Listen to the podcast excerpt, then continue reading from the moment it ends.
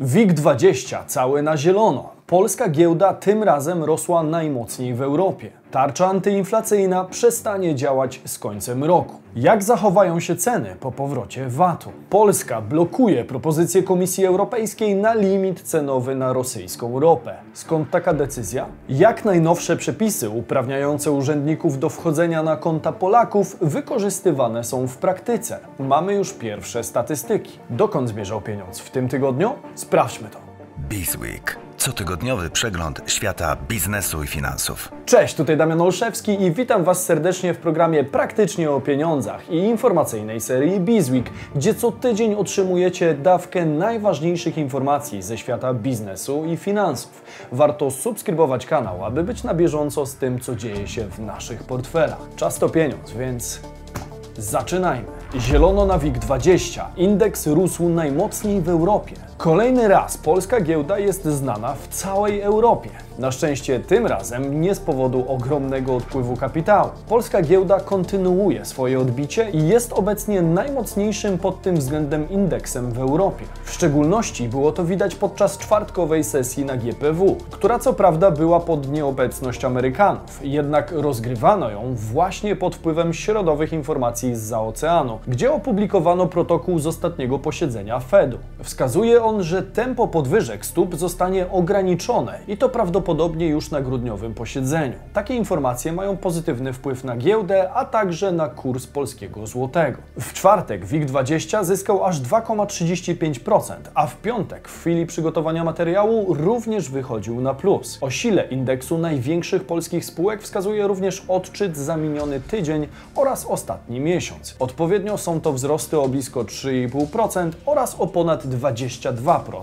Dzieje się tak m.in. z uwagi na silne wzrosty Allegro, a także walory detalistów, czyli CCC i LPP, co wpisuje się w lepszy sentyment do branży zakupowej z oczywistych względów. Następuje to zwykle przed gorącym okresem wydatków konsumpcyjnych. Dodatkowo pozytywnie wyróżniał się sektor bankowy, a także sektor chemiczny i górniczy. GPW kontynuuje wzrosty, które są odreagowaniem na wcześniejsze bardzo silne spadki, które nie były poparte sytuacją fundamentalną. Pytanie zatem, czy ktoś z Was zdecydował się wcześniej na inwestycje w polskie spółki? Dajcie znać w komentarzu. Turcy ścieli stopy procentowe do jednocyfrowego poziomu. Czy to już monetarny samobój? W obliczu aktualnej globalnej sytuacji ekonomicznej wiele banków centralnych podnosi stopy procentowe, głównie w celu walki z inflacją. Co jednak, jeśli inflacja znacząco wymknęła się spod kontroli i wynosi ponad 85%? Taka sytuacja ma miejsce w przypadku tureckiej liry, ale Turcy znaleźli inne rozwiązanie i postanowili zrobić na przekór ekonomistom,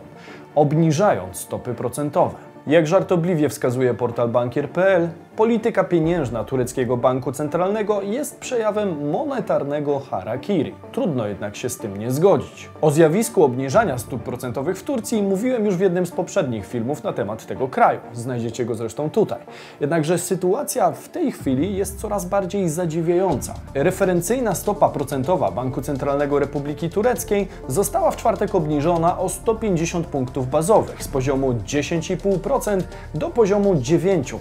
Analogicznie Analogicznie po 150 punktów bazowych w dół poszły pozostałe stopy TCMB.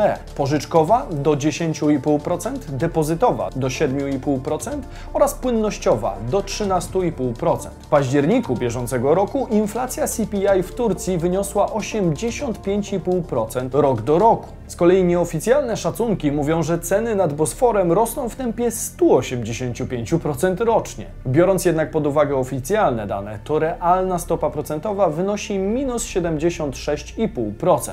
Jest to wynik zatrważający. Turcy rozpoczęli obniżkę stóp w wyniku nacisków prezydenta Recepa Tayyipa Erdoana. Wówczas jednak inflacja CPI w Turcji zbliżała się do 20%, a nie do prawie 100%. W Turcji zapowiada się na poważny kryzys, ponieważ takie działania nie pozostają bez echa wobec liry. Notowania tureckiej waluty są od grudnia zeszłego roku sztucznie utrzymywane przez władze. Dodatkowo warto podać twarde dane. Od początku roku lira straciła niemal 29% względem dolara, a przez ostatnie 3 lata oddała prawie 70% swojej wartości. Inflację w Turcji widać zarówno podczas analiz makroekonomicznych, ale także podczas podróży nad Bosfor. Kryzys jest tam praktycznie nieunikniony i będzie spowodowany nie pandemią, lecz przede wszystkim nieodpowiedzialną polityką monetarną tamtejszych władz. Polska blokuje propozycję na limit cenowy na rosyjską ropę. W czwartek Polska zablokowała propozycję limitu cenowego na rosyjską ropę na poziomie 65 dolarów za baryłkę. Czy w tym przypadku broniliśmy interesów Putina? Skądże znowu? Unijny dyplomata wskazuje, że jeśli mamy uderzyć Rosjan po kieszeni, to musi być to realistyczne. Tym samym zaznacza, że proponowana kwota powinna być niższa i to dlatego bojkotujemy te ustalenia. Ceny rynkowe są obecnie poniżej proponowanego pułapu cenowego 65 dolarów za baryłkę. W takiej sytuacji nie ma sensu wprowadzać wyłączenia na transport ropy powyżej ceny rynkowej. To byłaby promocja rosyjskiej ropy. Skąd jednak wziął się ten pomysł? Ustanowienie maksimum cenowego dla rosyjskiego surowca ma być częścią sankcji mających na celu zmniejszenie dochodów Moskwy. Wszystko, aby ograniczyć finansowanie inwazji na Ukrainę. Jak wyjaśnia Reuters, ideą pułapu cenowego jest zakazanie firmom żeglugowym, ubezpieczeniowym i reasykuracyjnym obsługiwania transportów rosyjskiej ropy na całym świecie, chyba że zostanie ona sprzedana za cenę nie wyższą niż maksymalna cena ustalona przez G7 i sojuszników. Wspominałem o tym obszernie również we wczorajszym odcinku dotyczącym kolejnego etapu kryzysu gazowego w Europie. Zakładam, że przez wczorajsze święto piłki nożnej w postaci wygranej Polski na Mundialu część z Was mogła go przegapić. Więc zachęcam do nadrobienia zaległości tutaj lub na planszy końcowej filmu. Debata toczy się zarówno na polu G7, jak i Unii Europejskiej. Jeśli tym razem uda się dojść do sensownego kompromisu, to powinien być to poważny cios wobec Rosji. Warto zaznaczyć, że koszty produkcji baryłki w Rosji wynoszą około 20 dolarów. Zatem jeśli zbliżylibyśmy się na przykład do propozycji Polski na poziomie maksimum 30 dolarów, to mogłoby to oznaczać nieopłacalność eksportu rosyjskiej ropy do Europy. Jak często skarbówka wchodzi na konta Polaków? W lipcu weszły w życie przepisy, które mocno ułatwiają zaglądanie urzędnikom skarbówki na konta Polaków. Mogą oni uzyskać dostęp do kont osób fizycznych jeszcze na etapie postępowania przygotowawczego, czyli dana osoba nie musi mieć statusu podejrzanego. To znacząca zmiana. Do jakiej sytuacji może to doprowadzić? W konsekwencji możemy nie mieć pojęcia, że w naszej sprawie toczy się jakieś postępowanie przygotowawcze. Tym samym możemy też nie wiedzieć, że do naszego rachunku bankowego mają dostęp urzędnicy skarbówki. Póki co wydaje się jednak, że te przepisy nie są nadużywane, przynajmniej w początkowych kilku miesiącach. Jak podaje Business Insider Polska, minister finansów Magdalena Rzeczkowska w minionym tygodniu wytłumaczyła, jak często fiskus faktycznie korzysta z tego rozwiązania. Minister wyjaśniła to w formie odpowiedzi na pytania Rzecznika Praw Obywatelskich. Jak wskazała pani minister, uprawnienie wykorzystywane jest przez naczelników urzędów skarbowych w wyjątkowych przypadkach. Równocześnie minister mówi, że w lipcu i sierpniu urzędnicy skarbówek tylko 33 razy weszli na konta Polaków, a także zaznacza, że w tym czasie urzędnicy Krajowej Administracji Skarbowej prowadzili ponad 37 tysięcy postępowań przygotowawczych w sprawach karnych skarbowych, co stanowi wejście na konto w 0,089% takich spraw. Minister Rzeczkowska zapewnia, że przepis nie może być stosowany bez uzasadnionej przyczyny i bez powiązania z popełnionymi czynami, które są przedmiotem prowadzonego już postępowania przygotowawczego. Jednocześnie podkreśla, że to stanowi czynnik ograniczający potencjalną liczbę takich wystąpień. Jak widać aktualnie, faktycznie wejścia na konta są raczej niszowym zjawiskiem. Natomiast pytanie brzmi, dlaczego w takim razie tak bardzo rozszerzono uprawnienia urzędnika? I czy w ogóle powinno mieć to miejsce? Dajcie znać, co sądzicie na ten temat w komentarzu. Moim zdaniem w obecnej chwili warto kontrolować ilość i kontekst wykorzystania nowych przepisów przez urząd, co z chęcią co jakiś czas będę Wam odświeżał. Polski pieniądz hamuje. Takich spadków nie notowaliśmy jeszcze nigdy. Podaż pieniądza to całkowita wartość znajdujących się w obiegu zasobów pieniądza, występujących w roli środka wymiany. Obejmuje ona zarówno wartość gotówki znajdującej się w obiegu pozabankowym, jak i wartość wkładów bankowych. Rosnąca podaż pieniądza oznacza jego większą ilość w gospodarce, co przekłada się często na wzrost inflacji, z którą aktualnie się mierzymy. Podaż pieniądza liczy się w agregatach, z czego najszerszy agregat to agregat agregat M3, który bardzo dobrze określa ilość pieniądza w obiegu. Najnowsze dane NBP wskazują, że w minionym miesiącu podaż pieniądza M3 wzrosła o 7% wobec października 2021. W ujęciu nominalnym oczywiście podaż rośnie, jednak na ciekawy fakt wskazali ekonomiści M-Banku, którzy podkreślają, że o ile w ujęciu nominalnym podaż pieniądza wciąż rośnie, to sytuacja wygląda zgoła inaczej po uwzględnieniu inflacji. Po skorygowaniu o wskaźnik CPI okazuje się, że podaż pieniądza M3 spadła o blisko 10% rok do roku.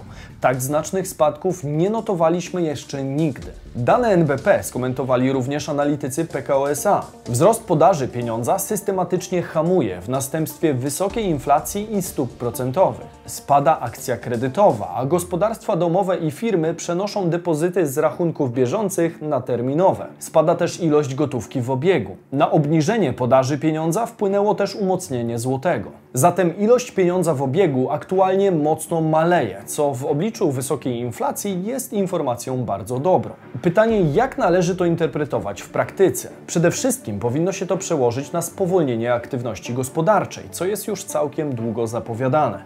Będzie to miało także wpływ na spowolnienie dynamiki wzrostu inflacji, a być może nawet na jej stopniowe obniżanie się, czego z pewnością wszyscy oczekujemy. Zamrożenie cen gazu dla gospodarstw domowych. Rząd podjął decyzję. W piątek podczas konferencji prasowej minister klimatu Anna Moskwa powiedziała, że rząd przyjmie ustawę gazową, która zakłada zamrożenie taryfy gazowej dla gospodarstw domowych na poziomie z tego roku. Jedyną zmianą będzie powrót od 1 stycznia do poprzedniej stawki VAT na gaz, ponieważ aktualnie w ramach tarczy antyinflacyjnej VAT na gaz wynosi 0%. Anna Moskwa, pytana o ewentualną kwestię notyfikacji projektów Komisji Europejskiej, zapewniła, że nie będzie to konieczne. Tego rozwiązania nie musimy notyfikować w komisji, bo mieścimy się we wszystkich ramach pomocy publicznej. Dodała także, że wsparcie odbiorców indywidualnych i podmiotów wrażliwych jest dozwolone i formalnie to nie wymaga notyfikacji, bo zaproponowane rozwiązania nie łamią zasady konkurencyjności, nie dotyczą przedsiębiorstw. Kluczową kwestią jest to, że zamrożona taryfa nie będzie podlegała pod próg dochodowy, co w praktyce oznacza, że wszyscy, którzy płacą za gaz, skorzystają z tych warunków. Dodatkowo minister Moskwa zapowiedziała, że dla najuboższych zostanie wprowadzony dodatek gazowy. Czy z jednej strony mrozimy taryfę, z drugiej strony będziemy dla tych z progiem dochodowym analogicznym do dodatku osłonowego, czyli 2100 w przypadku jednoosobowego gospodarstwa domowego, 1500 w przypadku wieloosobowego gospodarstwa domowego, zwracać równowartość VAT-u. Warto również przyjrzeć się temu, ile będzie kosztować tego typu ustawa. Koszt ustawy na ten moment estymuje się na około 30 miliardów złotych, jednakże ostatecznie będzie to oczywiście zależeć od rynkowej ceny surowca. Uważacie to za dobry czy kiepski krok naszej władzy? Dajcie znać w komentarzu. Tarcza antyinflacyjna tylko do końca roku. Jak zmienią się ceny produktów? W ramach przeciwdziałania rosnącej inflacji rząd wprowadził na początku roku tarczę antyinflacyjną. Jak się okazuje, będzie ona obowiązywać do końca tego roku. Nie jest bowiem możliwe przedłużenie tarczy na przyszły rok w wyniku decyzji Komisji Europejskiej. Jak wskazuje Jacek Sasin, Komisja Europejska zakwestionowała niektóre mechanizmy tarczy. W związku z tym polski rząd będzie musiał przywrócić wyższe stawki VAT na energię elektryczną czy paliwa. Szef resortu aktywów państwowych podkreślił, że polski rząd otrzymał informację od komisji, że obniżenie stawek VAT jest niezgodne z prawem europejskim i musimy ten VAT przywrócić i akcyzę w przypadku chociażby rynku paliwowego, gdzie ona funkcjonuje. Jacek Sasin dodatkowo wspomniał, że jedynym odstępstwem, które udało się nam uzyskać, tu walczyliśmy do samego końca, jest możliwość utrzymania zerowego VAT-u na żywność.